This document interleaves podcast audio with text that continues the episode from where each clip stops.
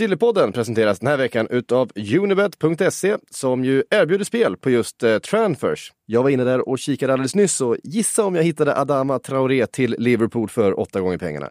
Jojomen, den tog vi. Och eh, tja, gå in och kolla själv. Sök på övergångar i sökfältet och se ifall du kan överlista ryktesspridarna. Unibet.se alltså. Nu kör vi Sillypodden. In the supermarket, you have eggs class 1, class 2, class 3. And some are more expensive than others, and some give you better omelets. That's the wrong information. Wrong, wrong, wrong information. I didn't say that. That's the wrong information. Do you think I'm an idiot? Wrong, wrong, wrong information. Now look at me when I talk to you. Your job is to tell the truth. That's the wrong information. Sportbladets Premier League-podd är det inte idag, nej. Bra start. Nej, precis. Eller klipper vi bort det här? Eh, eventuellt. Den är imorgon. Vi ska spela in den imorgon. Eh, Sillypodden är det vi ska ägna oss åt eh, nu, inget annat. Makoto, välkommen hit. Det är du och jag Tackar. idag. Ja, Vi måste eh, gå igenom lite grejer känner jag. ja, det känns ju lite så. Bränning eh, dissar ju oss för han har andra projekt på gång. Men Det var eh, något hemligt projekt. Ja, det verkar intressant. Jag kan inte säga så mycket men det lät intressant på det jag har hört i alla fall. Så att det finns en god anledning ändå att han inte vill hänga med oss. Ja. Eh, det är väl inte super, det är väl inte hemligt per se. Det är inte så, jag sa det, är det så att du går in i en eh, så här, telefonkiosk som åker ner genom marken på månader, det är ju, han sitter ju bredvid oss. Bara att han har inte tid med oss just nu. Nej, Eh. det, det märks ju på honom också när han inte har tid med oss heller. Att man, man ser det på liksom blicken hos honom. Att Mm. "Ja, nu vill jag inte hålla på och prata med den här sillypöbeln som hänger bredvid. Nej, precis. Eh, Så därför är du och jag som sitter här. Vi eh, ska se om vi får med oss något ytterligare i sändningen. Det, det är sånt som eh, ger sig under tidens gång. Vi har ganska mycket annat att prata om fram tills dess. Det är lite Inter, så att, eh, alltså bland annat. Ja, det är ganska mycket My- Inter ändå. Mycket inte den här eh, januarifönstret överhuvudtaget.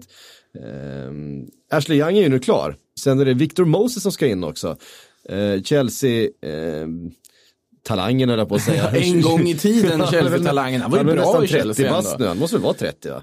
Det är Ja, nu, nu gissar vi åldrar det här igen, men alltså, det hade inte förvånat mig. Victor Moses har dock den här auran av att kunna vara en sån här som egentligen bara är 27-28 fast man tror att han är typ 32. Hur länge som helst, kommer ihåg det, liksom i Wiggen där under ehm, Roberto Martinez liksom. Ja, nu är vi långt bra tag tillbaks, men då var han ju med i och för sig i gamet. Så att, Visst. men det är ju det att man har fått in Ashley Young då på vänsterkanten nu direkt under vintern och det var ju då det fanns någon form av vettigt bakom det om man då menar att Ashley Young ska leverera. Men du behövde ju wingbacks även på båda kanterna i Inter.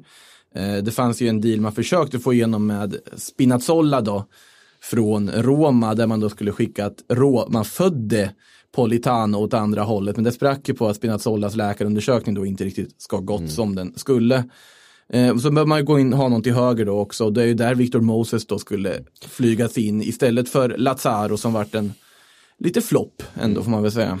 Vart är Zappa Costa när Conte behöver honom? Ja men det hade ju faktiskt varit, han, hänger inte han i typ Torino eller någonting? Jag Det är minns faktiskt inte. Jag minns bara när han, när han värvades utav, utav Conte eh, en gång i tiden i eh, Chelsea. När han gjorde ungefär samma sak. Han skulle ta ett lag och så ställa om det till, till sitt eh, Mm. älskade fy, eh, 3-4-3 då med, med wingbacks. Och, ehm, Men nästan mer Gjorde- 5-3-2 eller, nå- eller vad man ska kalla det blir det väl i sånt fall. Med liksom, det är ju verkligen wingbacks också han vill ha på de där kanterna. Det är inte att han gör om yttrar utan han vill ju ha wingbacks. Ja, ja precis. Det är snarare en 5-3-2 i, Mm. i, i, ehm, i inte nu då.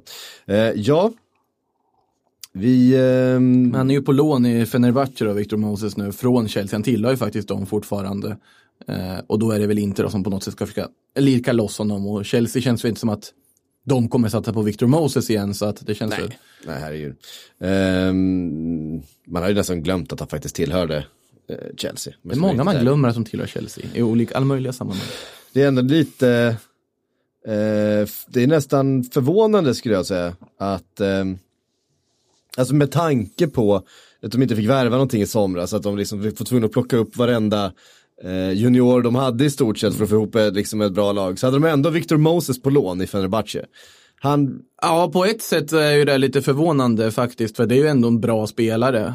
Eller ja, han kanske inte riktigt platsar eller ska starta i ett Chelsea, men där har man ju en nu Reece James framförallt som har kommit in och gjort det strålande på högerbacken och så har du Naspilicueta som hanterar den rollen väldigt väl också så att man är ju ganska gott ställt på den positionen i alla fall.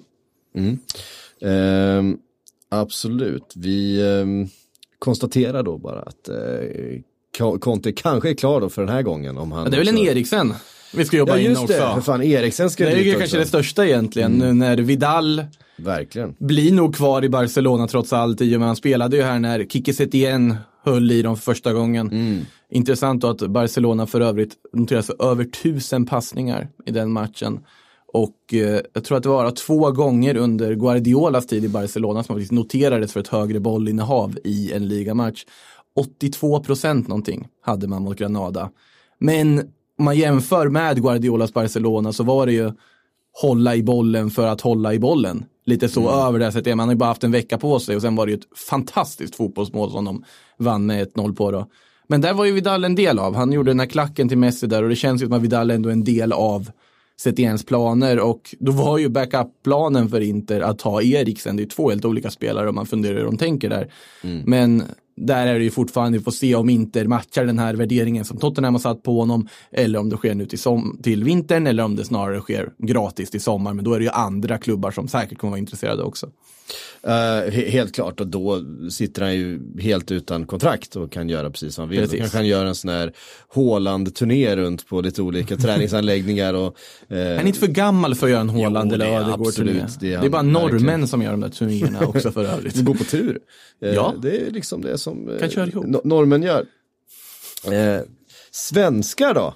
Vi har en svensk, han toppar faktiskt körschemat. Det är du, du har satt upp körschemat idag. Alltså, Eh, ska du vara transparent och till- göra det? Ja, vi kan säga det. Eh, men samtidigt ska ju tilläggas att de här punkterna som du, för det här är ganska spontant inspelat avsnitt ska vi vara transparenta och säga också. Ja. Eh, men eh, de är ju inte i eh, kronologisk liksom, viktordning. Samtidigt Nej. som det första jag kom att tänka på när jag skulle stå upp och körschema var ju Sebastian Andersson. Ja, precis. Eftersom jag då började bakifrån också.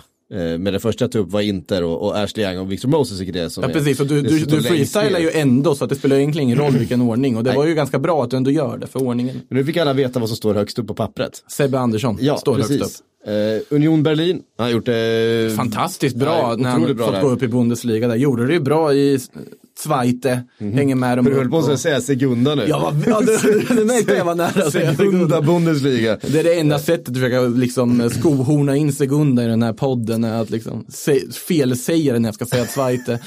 eh, nej, men eh, Sebbe Andersson alltså, och det är enligt Kicker då, eh, fotbollskanalen som eh, har, vad heter det, rewritat eller vad man ska säga, eller rapporterat Kicker har skrivit. Jag har inte hittat det själv faktiskt, ska jag ärligt talat säga.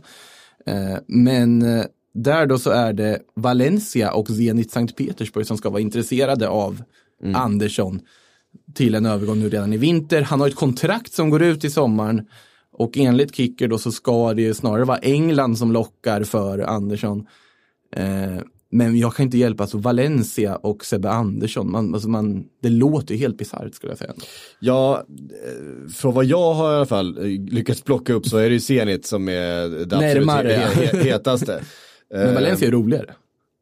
Valencia känns som en klubb som slängs in lite grann sådär.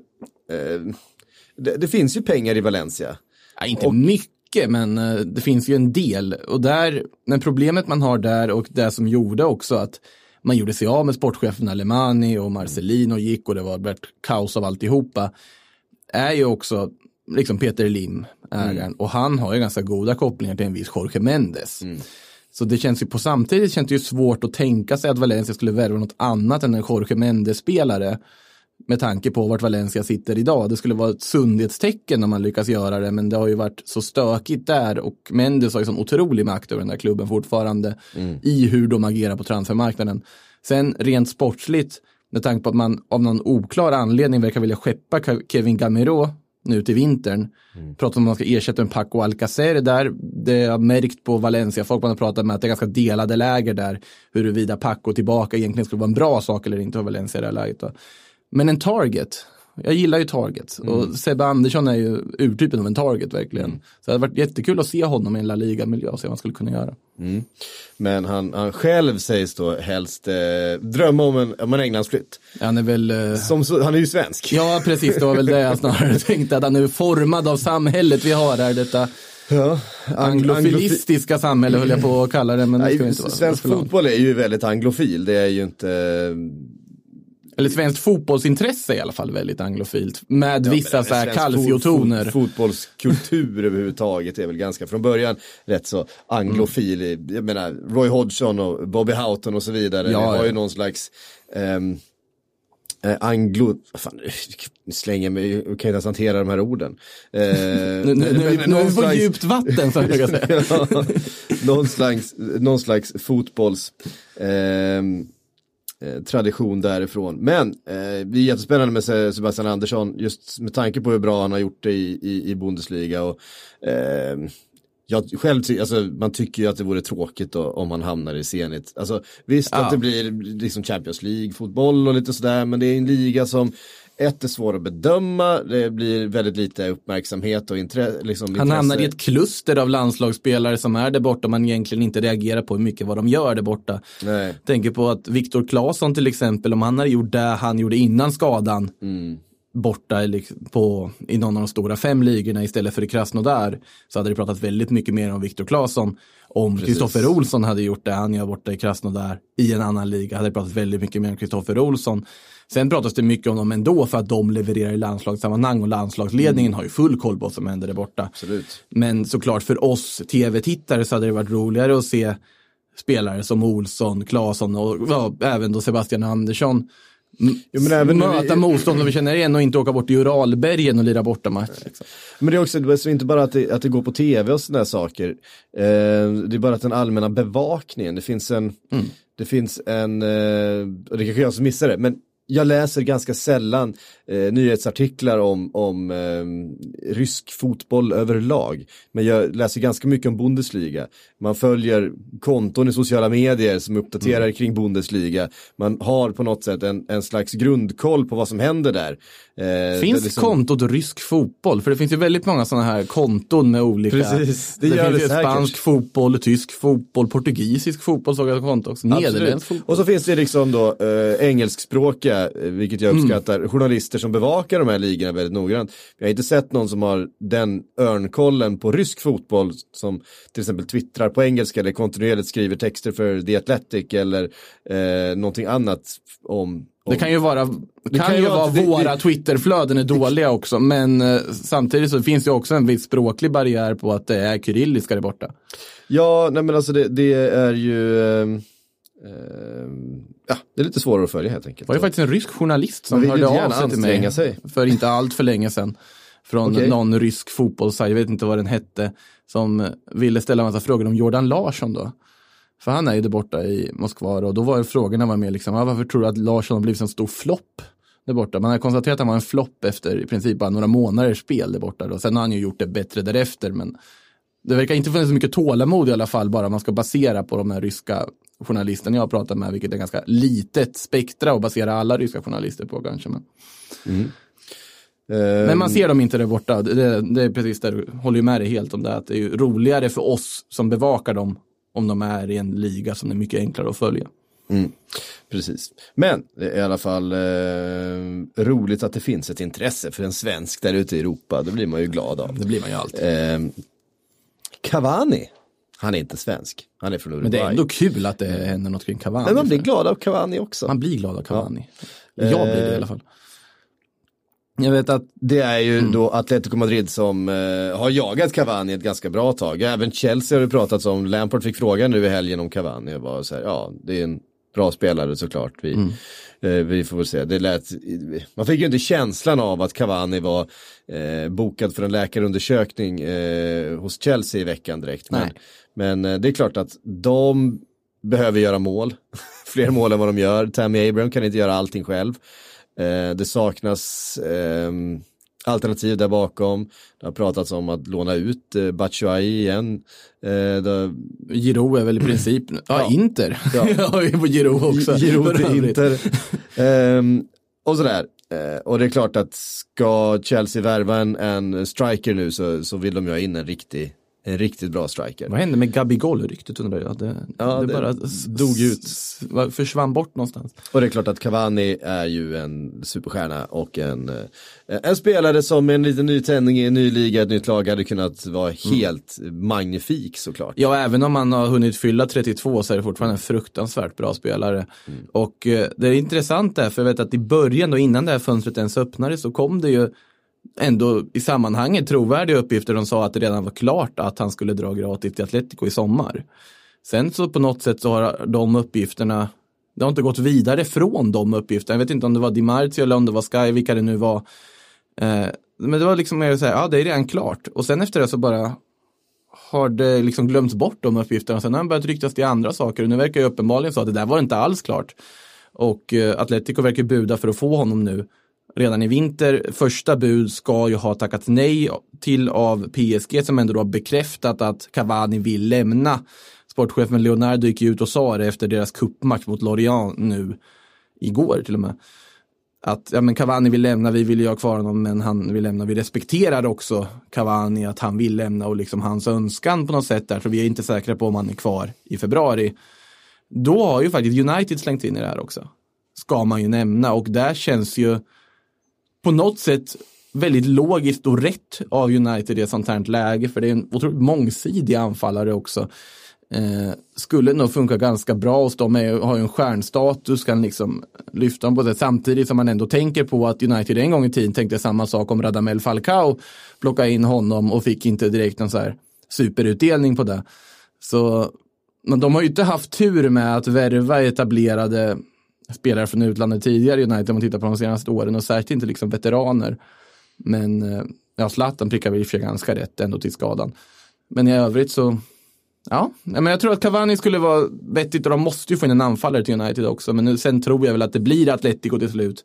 Och man vill ju se Cavani spela under Cholo Simeone i det här 4-4-2 tillsammans med typ Joao Felix på topp. Det hade ju varit, det här kommer bli riktigt, riktigt bra.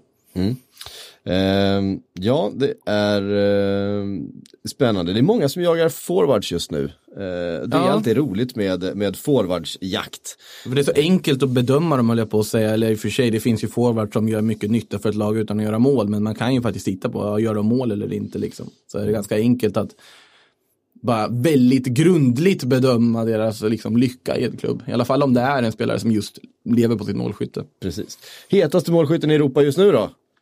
Tänk- Ja, utom Håland som eh, gjorde Ja, hat- vilken, hattrick vilken på sitt debut. inhopp. Ja, men det är läskigt alltså, Haaland. Eh, den genombrott, bara går in där och gör en hattrick i sin debut och byts in och är liksom kolugn över det. Det finns något så här läskigt bra över honom. Man sitter och väntar på när den här utköpsklausulen som då ska finnas i dealen med Dortmund är tillgänglig att aktiveras, säg nu i sommar eller om ett år till. Den eh, jakten som kommer vara på honom. Det blir en ny turné, ny tur. Alltså, det, är någonting, det är någonting med Erland Haaland som, som eh, jag bara känner att jag kommer, jag, fan, jag, jag kommer vara rädd för den människan i, för så många år framöver. Här. Ja, Jag- men han ser dels- ut som skolgårdsmobbare, det gör han ju. Alltså, ja, men det, dels, dels, dels det, men det är, det är så fruktansvärt bra. Han har en sån här skoningslöshet i, Mm. eh, i straffområdet som ju är obehaglig. Och bara känns, dels så kommer han göra Norge till ett betydligt bättre lag. Eh, Vi kommer Nej, se Ödegård som slår de passningarna till honom som typ har varit Precis, La Ligas bästa spelare under. med Ödegård som nu äntligen eh, liksom har vuxit till sig, vuxit i kostymen som så många sydde åt honom för några år sedan. Eh, och så i tillägg till att ha, ha Haaland där framme och sen har ju Norge ett annat bra lag. Vi kommer ju vara lillebror till det norska landslaget eh, de närmsta åren, är jag väldigt bekymrad över. Eh, det, det framtids, framtidsscenariot. För det, det, det vill jag helt enkelt inte. Det, det vore ju värsta som finns. Det är en sak om norrmännen slår oss i typ längdskidor eller någon annan marginalföreteelse.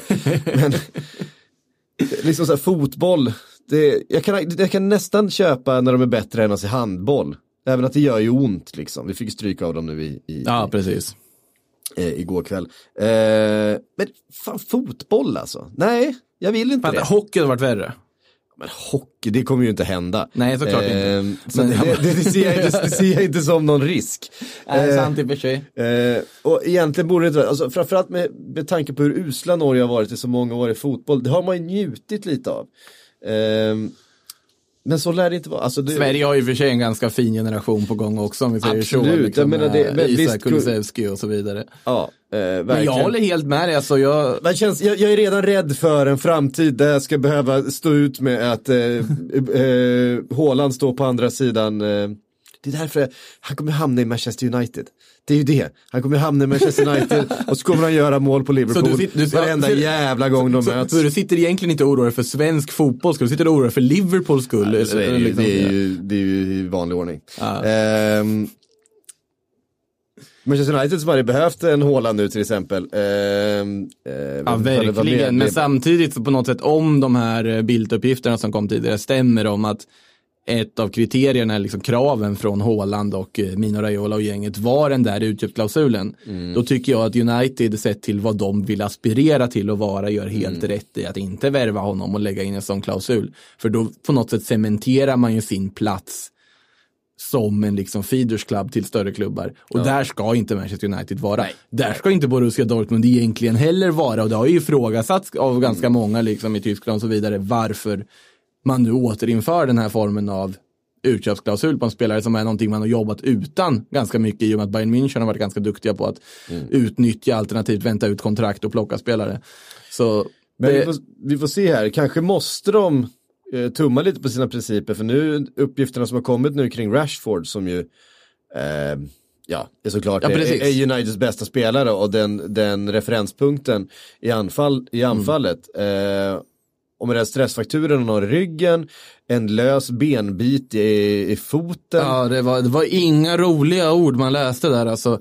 Alltså Och- det, är två, det är två skador som man känner att de, ett borde adresserat tidigare. Då blir man så här förbryllad över hur han kunde spelas i FA-cupen i veckan. är helt, alltså jag, nu, Det nu känns- ska man ju alltid Vi vet ta... ju inte liksom exakt vad Nej, som har vi hänt. vet ju inte vad som exakt har hänt, men om det stämmer Mm. Att han har liksom spelat sig igenom smärtan och så vidare. Mm. Jag förstår att han gör det. Han har ett sånt stort klubbhjärta och vill verkligen hjälpa United i den här sitsen. Men det måste finnas jag- någon annan som stoppar Ja, honom. där ska, ja, Solskär, assisterande tränare, materialare, läkare. Någon måste ju stoppa honom. Och det finns ju en kritik, det finns en kritik mot Manchester United att de, att de inte hängt med i utvecklingen på just ehm, den medicinska sidan. Eh, Titta nu- på Paul nu- Pogba också. Nu kommer ju den Utan hans- kritiken inte direkt att bli eh, mindre eh, med tanke på hur man hanterat det här. Eh, och det är ju det är bara en av alla saker som har liksom negligerats utav, utav klubbledningen i Manchester United de här, de här åren. När man har fokuserat på nudelpartners i, eh, i Kina liksom. Eh, nu låter jag hård kanske, men det, det är verkligen, så den här kritiken kommer ju eh, inte, eller utifrån, den kommer ju väldigt mycket inifrån, den kommer från, från egna supportrar och kritiken kommer ju väldigt mycket ifrån från de som bevakar Manchester United eh, i Manchester som ju på något sätt eh, är de som är allra närmast. Så att det, det, den kritiken tror jag vi kommer att se mer av. Jag vet att det var många som lyfte det under, och det, det, det är därifrån jag, jag får det nu också, från den rapporteringen som var i, i samband med Rashfords skada här, att, att eh, det här är någonting som borde kunnat undvikas, det här är någonting som de borde haft en långsiktig plan för hur han ska ehm, spelas eh, och framförallt hur han ska liksom, hur man ska kunna hitta en ersättare. Man inte hamnar i en situation där han faktiskt går sönder i en match för skador som man är fullt medveten om att han har. Jag förstår att United i det här läget, jag förstår att Ole Gunnar Solskjaer också, att det finns en desperation efter att få resultat. Med tanke på att Martial var väl borta här också under en period också, att man, man vill spela Rashford. Rashford är den bästa anfallaren du har i laget. Men om de här uppgifterna stämmer så är det ju helt oförsvarbart att riskera en liksom ung supertalang ändå liksom, och hans alltså fortsatta karriär på ett sätt. Liksom. Vi pratar ryggskador. Det, de här skad, liksom, orden som man läste var, man får nästan en klump i magen när man läser det, att det, det här låter inte bra. Det kanske låter värre än vad det egentligen är, men Ja, det är om man bara bortser från det sportsliga, liksom, att spela honom. Det är inte bra. Det är Eh, absolut och inte nu bra. verkar ju då liksom eh, kanske till och med hans EM-plats kunna vara i fara. Det, visst, det pratas om två, tre månader, men jag menar om två, tre månader, eh, vad är vi då? Vi är inne i april. Ja, där är vi, Eh, va? Ja, så i, i, du har tillbaka, säg att han är ba- tillbaka i träning i april. Mm. Eh, och sen ska han då komma igång, så hinner han spela fyra, fem matcher. Ehm, hur troligt är det att Manchester United med de förutsättningar de har och det laget de har nu är framme i någon slags semifinal i Europa League? Jag tycker inte att det är speciellt troligt. Ehm, med tanke på de lagen som nu kommer komma från, från, ehm, från Champions League dessutom och läggas till det här. Ehm, Det är då ganska behagliga man- lag som åker ner från CL i år. Inte för att det spelar egentligen någon roll för United i det här läget, men Men ja, det, är, eh, det är tufft i alla fall. Och då är frågan om både Kane och Rashford kommer saknas från den här EM-truppen eller om de kommer komma in väldigt sent med väldigt lite speltid och eventuellt ganska färska rehabiliteringsperioder. så Danny Ehm, Ings och Tammy Abraham på topp då i eh, EM. Och sen ett samtal till Vardy också från Southgate kanske. Ja, precis. Han får plocka upp luren. För en av anledningarna till att Vardy faktiskt tackat nej till landslaget. Eh, han har ju aldrig lätt, lämnat ett permanent nej. Men det han har sagt är att jag åker inte hemifrån och är borta från familjen i två månader för att sitta på bänken. Och nu i det Eh, här det läget, gammal skadeläget, för. så åker han dit för att spela. Och då kan ju vara en helt annan sak. Ja, då kan det absolut vara en helt annan sak. För är vi framme i eh, det sista landslagslägret då, när det nu är i eh, mars någon gång va? Brukar det vara. Alltså, sista samlingen innan EM-samlingen. Ja, precis. Jag tror att det brukar Trupperna vara- tas ju ut i maj eller vad det är oftast. Ja, men jag tror att det brukar vara en, en landslagssamling i mars. Ja. Ehm, typ mitten, slutet på mars någon gång. Är det så att rapporterna från, från Keynes och Rashfords läge säger att äh, fan, det här tar lite längre tid eller nej, det, mm, det ser sådär ut. Då är det ju bara att, då är det bara att lyfta på luren och säga hej, hej Jamie, du, du har lite fotboll att spela i sommar om du är sugen. Eh, Då tror jag ju också att, mycket av, de kommer ju spela i England dessutom. Så att han behöver ju inte resa till, eh, till andra sidan jorden. Det är ju inte, eh, det, det är liksom inte bortre Ryssland den här gången. Även då- om England kanske inte spelade så långt bort i och för sig, men, men Precis, det sen, sen kan det ju bli om man går vidare. Då kan det bli resor till, eh, nu vet jag inte exakt hur slutspelsträdet ser ut, men jag vet inte om Baku är ett alternativ här. Finns ju, är, han, är han Baku-kompatibel Jamie Vardy? jag vet inte hur är reglerna för snus i Baku. Snus och eh, läskedryck. Precis. Ehm, ja, men tillbaks till min ursprungsfråga, vem den he- he- he- hetaste anfallaren i Europa är? Det är ju Timo Werner.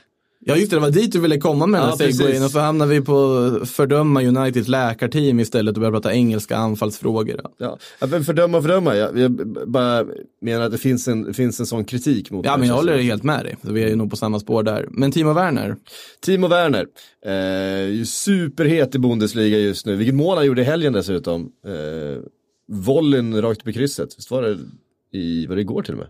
Nu tittar du på mig som att jag ska veta det här, det borde jag naturligtvis veta. Men eh, jag skulle inte förvåna mig om han har gjort ett väldigt snyggt volleymål i krysset den här helgen med tanke på hur mycket mål han har gjort, så kan vi säga. Eh, fruktansvärt bra målfacit i år, han har ju haft ett väldigt bra målfacit under flera år. Samtidigt som han bara suttit och väntat på att han ska ersätta Lewandowski i Bayern München. Men den där Lewandowski fortsätter ju också göra massa mål så att de har inget behov av att ersätta Lewandowski för tillfället där då. Och samtidigt är det ju massa andra klubbar som har blandat sig in i leken. Eh, Det senaste är väl från mindre ansedda Mirror i alla fall att eh, Chelsea då ska också varit intresserade nu. Liverpool har pratat om tidigare. Real Madrid har dykt upp på någon sorts horisont där också. Att de skulle visat ett intresse för Werner då först i sommaren. Eh, jag tror ju ändå att han förr eller senare hamnar i Bayern München. Ja, det känns som att det, Det han är gjord. hela tiden. Ja, det känns som att han är gjord för att hamna i Bayern München och det är väldigt mycket man går på gamla spår, man går på historia, man går på magkänsla i den här liksom, analysen. Men Werner känns oerhört, det känns som att man behöver en sån tysk anfallare som liksom bär det där laget i framtiden och Werner har ju framtiden för sig. Sen har jag alltid personligen varit lite tveksam till hur Werner skulle leverera i en annan miljö. Jag har alltid fått någon känsla av att han nu, tyck, nu är det svårt att säga att han är överskattad med tanke på hur mycket mål han gör och vad han levererar men jag har inte riktigt fastnat för honom på det här sättet som många andra har gjort. Nej, alltså han är ju en, en eh, tempospelare verkligen. Ehm, och fin avslutare. Att Timo Werner gjorde två mål, han gjorde två mål i helgen i alla fall. Jag tror att det ena var det som passerade i mitt Twitterflöde för en liten stund sedan. där, han, där han borrar en boll i bortre krysset. Han är ju i hysterisk form och eh, hela RB Leipzig-projektet är ju riktigt, riktigt bra just nu. Ja, och, men där också finns ju en aspekt i att de slåss ju på allvar om den här ligatiteln. Som då skulle liksom statuera dem som en stormakt i Tyskland, precis som det som varit liksom den långsiktiga idén med som då Red Bull som äger dem har liksom velat satsa på att man ska först etablera sig i Tyskland. Nu är man dessutom i Champions League-slutspel för första gången. Det ska nog till, även om det pratas om utköpsklausuler och så vidare ska finnas i Werners kontrakt, så man vill nog väldigt, väldigt gärna behålla honom åtminstone till sommaren. Med tanke på de viktiga matcher som kommer här under våren den otroligt viktiga tiden för klubben Leipzig. Som väntar. Ja. Det är, och inte första, det är inte första säsongen han är så här bra heller. Alltså han har ju, han har ju i många eh, fönster varit, Ja, men varit precis. het och, och varit liksom. Men nu är eh, han bättre än någonsin, det han måste vi lägga till. Alltså. Men han har liksom också känt som att han är en spelare som kan drop off. Eh, För vi har också sett honom vara ganska svag i perioder. Alltså, det har varit en hög, hög eh, skillnad mellan hans högsta nivå och hans lägsta nivå. Man känner att ja, men han har varit inne i en formtopp här. Vågar man chansa på att det här är, verkligen är den klassen det- som han har hållit när han har hållit den här, sin, sin, alltså högsta nivån. Det har varit verkligen världsklass då liksom. Det är lite Ehm. där jag har väl haft mina liksom. Minns honom i tyska landslaget till exempel där han var riktigt svag. Ja, men det är där jag har fått mina doubts lite från Mm. också. att det går, alltså man blir inte igångtaggad på Timo Werner på det sättet. Ja, han levererar som bara den. Men låt oss säga så här, det gör Ciro Immobile i Serie A nu också. Men när han har testat lyckan i andra ligor så har han ju allt annat än levererat. Och jag får en sån vibb på Timo Werner, att det är en typ av spelare som passar i Bundesliga och gör det bra, men att mm det finns en stor flopprisk om man skulle bestämma sig för att dra till Spanien eller till England eller någonting. Nu kan jag sitta här och ha fullkomligt fel och det är största sannolikhet att jag har fullkomligt fel, men jag får den känslan av han. Ja, jag tror att det finns ingen möjlighet att, att han lämnar nu eh, januari. Han vill, har vinna, väldigt han, svårt att se det. han vill vinna Bundesliga med, eh, med Leipzig som han har spelat för länge nu. Sen vill han gå till Eh. München och göra det fem gånger om efter det. Det har ju såklart, ju Bayern München eh, var ju nära att köpa honom för, för inte så länge sedan. Eh, kommer och rykten om att han själv vet också att han och Jürgen Klopp har en, eh, en, eh, en slags relation till varandra. Att han eh, själv har sagt att han vill spela för Jürgen Klopp. De är tyskar. Vid, vid tillfälle. Ja, dels att de är tyskar, att han, eh, hans eh, personliga val om han ska lämna för en utländsk klubb skulle vara Liverpool just nu. Eh, och det var ju också, Är det här ditt Liverpool-flöde som säger till dig eller är det en... eh, det stod i The Mirror. Ja, Eh, jag vet inte om det ingår i Liverpool-flödet riktigt. Men... Kanske. Äh, Eh, men jag tror också att det blir, att det blir eh, Bayern München. Mm. Eh, Alltså han är ju på något sätt, om man skulle acceptera en liksom rotationsroll där framme så naturligtvis hade han varit jätteintressant med tanke på hur Liverpool spelar med de här tre framåt också. han Och, hade faktiskt kunnat spela i alla de tre eh, Precis. positionerna. och där finns ju en fördel för honom att han inte är, jag, jag har väldigt lätt för att börja tänka på Mario Gomez. Så i gamle tyska anfallaren i totalt olika spelstilar naturligtvis och totalt olika kvalitetsnivå på. Men det var också en sån här spelare som hypades väldigt mycket och var väldigt bra i Bundesliga. Och sen när han tog steget in och skulle börja spela landslagsfotboll så såg det inte riktigt lika bra ut. Och han lyckades väl aldrig riktigt nå den nivån som han ändå på något sätt kanske trodde att han skulle göra eller som han hade potential att göra. Werner är ju en helt annan form av talang, både sett i ålder och kvalitet och så vidare. Och har ju väldigt mycket större möjligheter att lyckas än Mario Gomez. Men jag kan inte hjälpa att Mario Gomez dyker upp i minnesbanken ändå när vi pratar Timo Werner. Eh, vi var inne på, på eh, Manchester United och situationen med Rashford, att de eventuellt kommer behöva signa en anfallare. Eh, bekräftade väl också att ja, vi tittar, vi ser vad som finns på marknaden, men så säger de ju alltid tränarna. Och det är klart att finns det en bra deal att göra så eh, kan ju det vara värt att göra oavsett hur behoven ser ut. Sen är ju frågan jag- om vi, den liksom gemene tittaren och Ole Gunnar Solskär och Ed Woodward som en tredje part där, om vi alla har samma syn på vad som är en bra deal. Ja, nej, det, Det är ju kan man där, det är där kruxet ligger på något sätt. För att Edinson Cavani ser ut som en bra deal. Mm. Mario Mandzukic förra sommaren, det såg ut som en bra deal skulle jag säga. I det här läget United sitter. Mm. Eh, men Eh. ja, jag vet inte om Solskjaer ser det på samma sätt. Han kanske tittar på andra namn. Nej, och nu är det ju Bruno Fernandes som ska in. Eh, och det tror jag är en... På en annan position. På en annan, ja, precis, han är ju inte, han är ju inte forward. Eh, även om han gör väldigt mycket mål och assist. Fruktansvärt mycket mål och assist för att Ehm. spela på den positionen gör. Ja, precis. Och det är ju precis, eh, alltså vore det inte för att Rashford hade varit trasig och de var i ett väldigt desperat behov att få in en, en forward. Eh, till det här laget så är ju nummer två positionen eh, att eh, förbättra, nämligen få in kreativitet på mittfältet. Ja.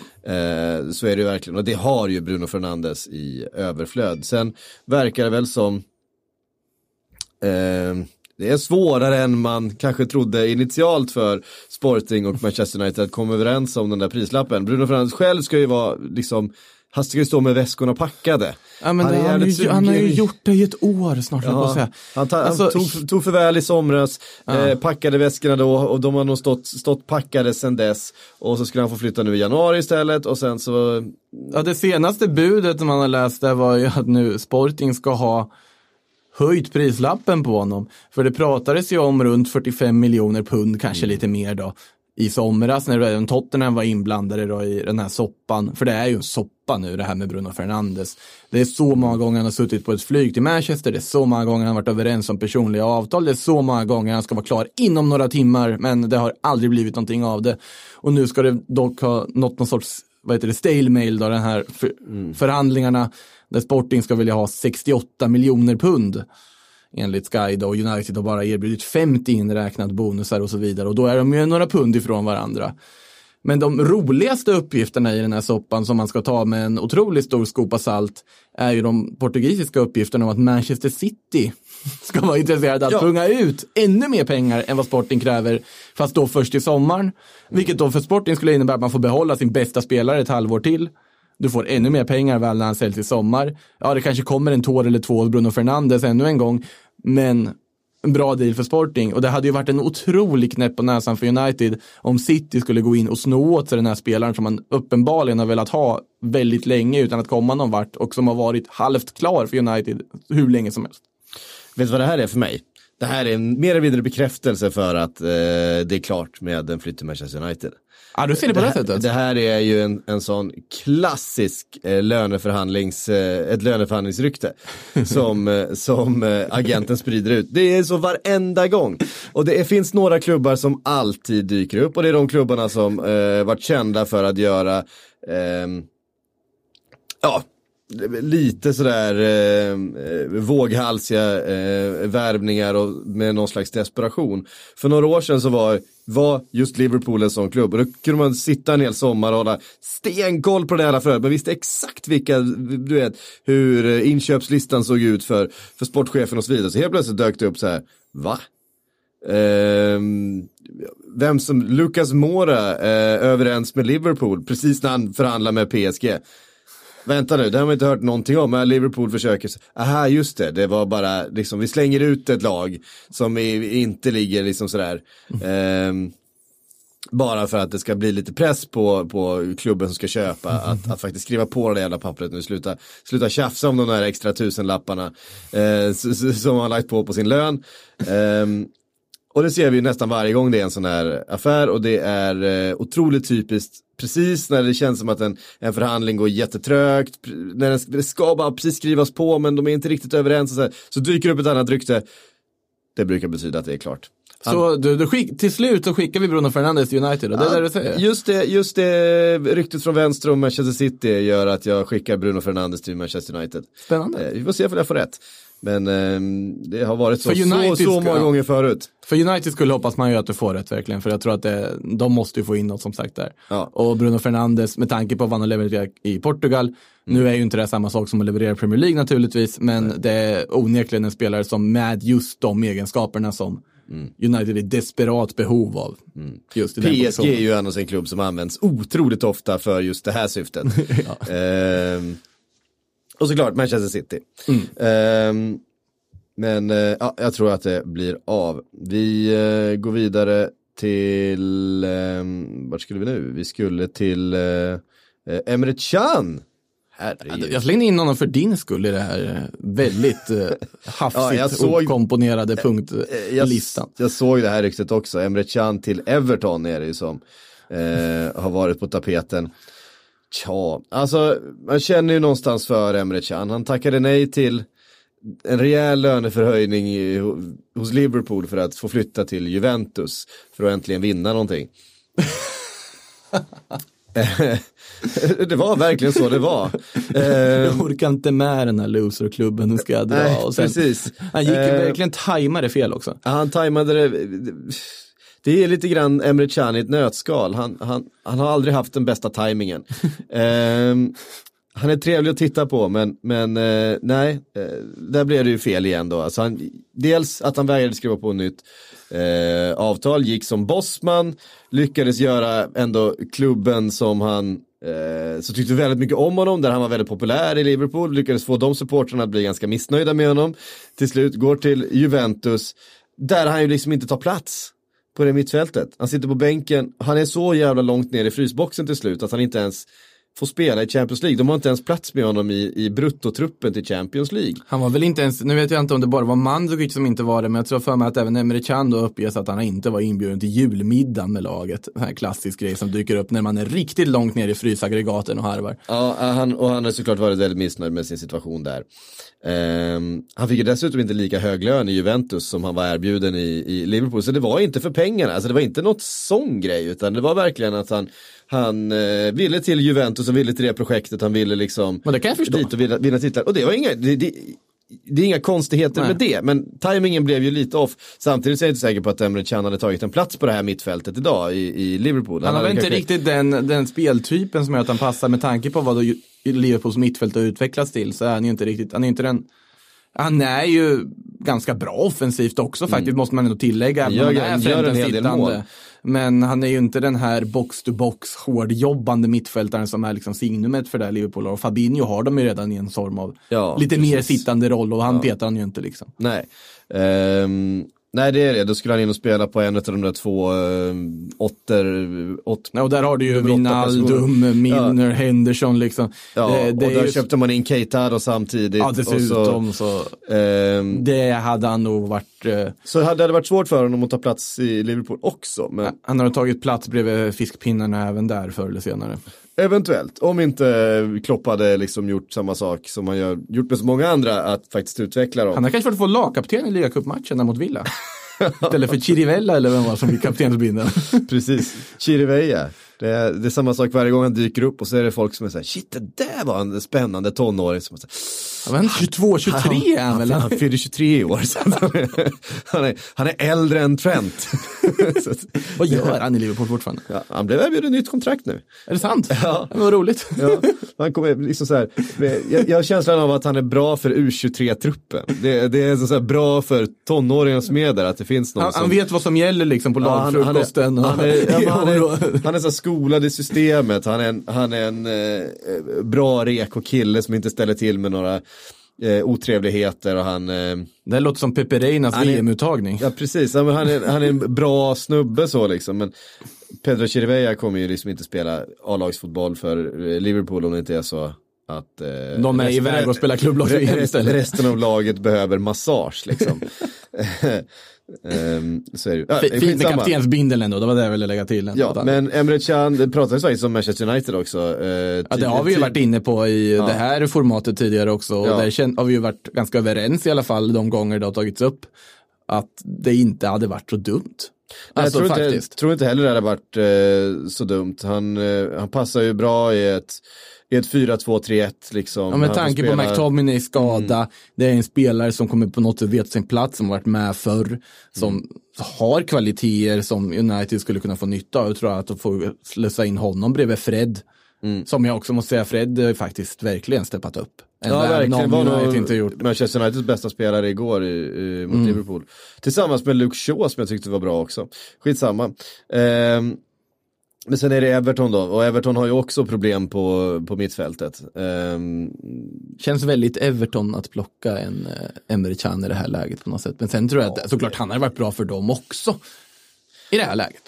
ja, eh, nej men eh, det hade ju varit jävligt speciellt om Emre Can plötsligt dök upp i Everton, det hade känts märkligt. Ja, i och för sig ur en Liverpool-synpunkt. hade Ja, precis, så att, av, just av den anledningen. Men hade det, eh, hur tror du Liverpool-fans, dig inräknat, hade hanterat Emre Can i Everton då? Om man tittar på läget han sitter i, han söker speltid och det alternativ som finns är Everton, undrar man honom ändå inte att få spela i en klubb?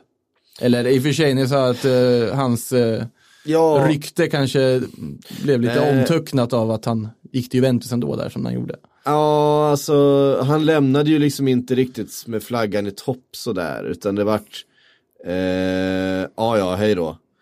Eh, situation av det.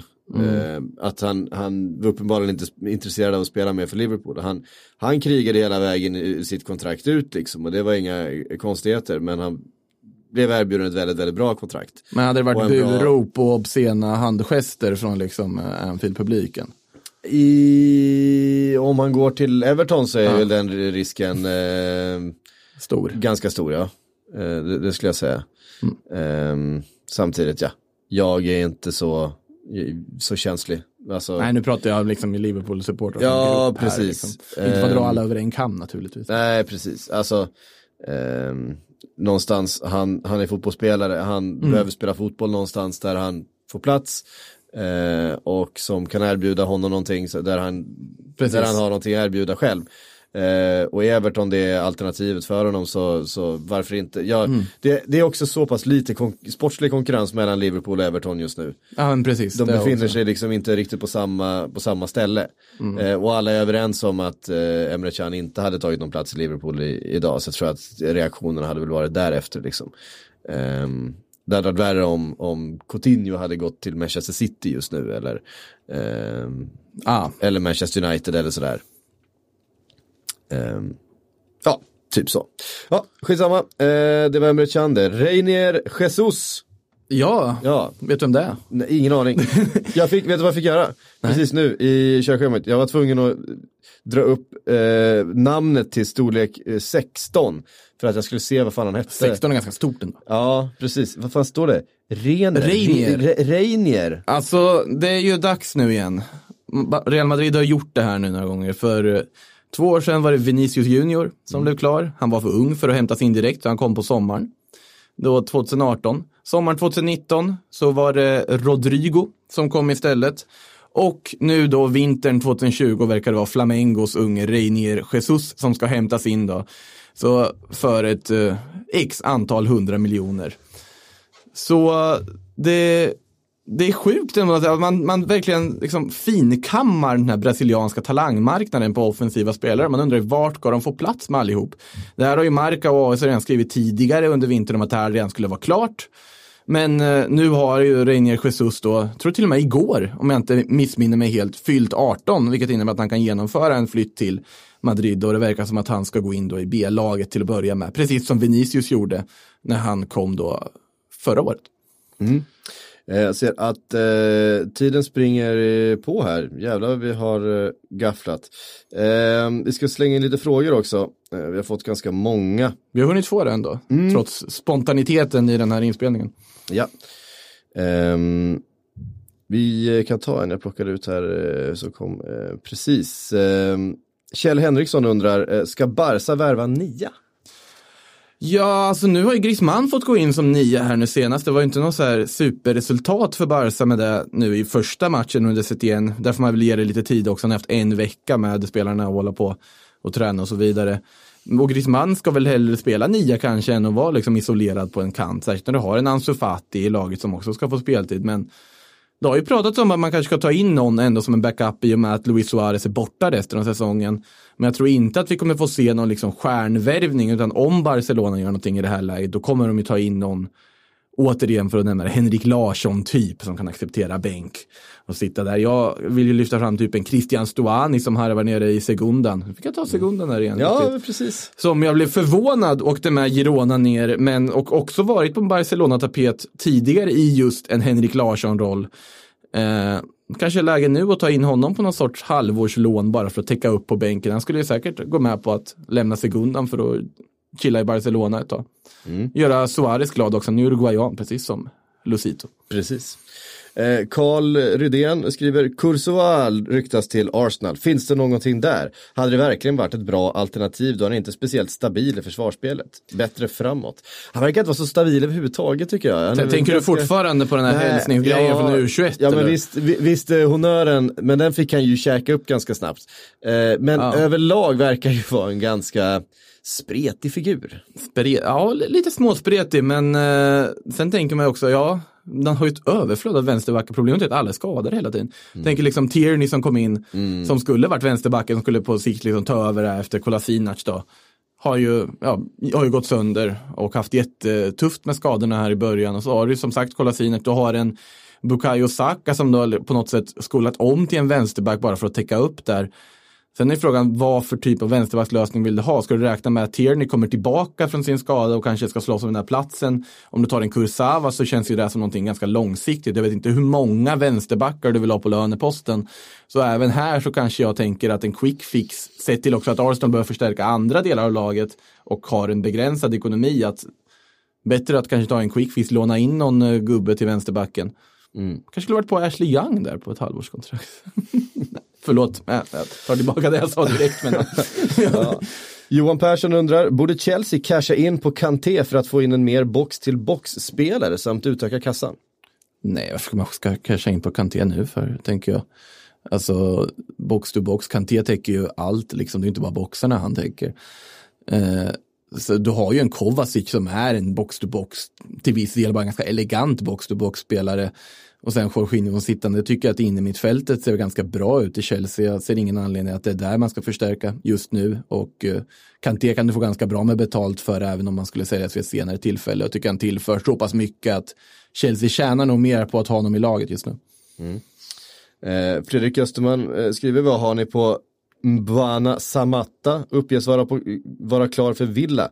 Behövs minst en forward till, vilka mer rykten på anfallsväg till Villa? Eh, det vet jag inte, men, men eh, Samatta är ju intressant. Han spelade ju eh, Genk tidigare då, om han nu är klar för Villa. Det vet jag inte för han är eh, Villa-spelare nu eller han fortfarande är De Genk-spelare. hade lite otur, i- de värvade ju en eh, brasse från Belgien här nu i somras, Villa. En, kanske den dyraste värvningen av alla de gjorde, Wesley då.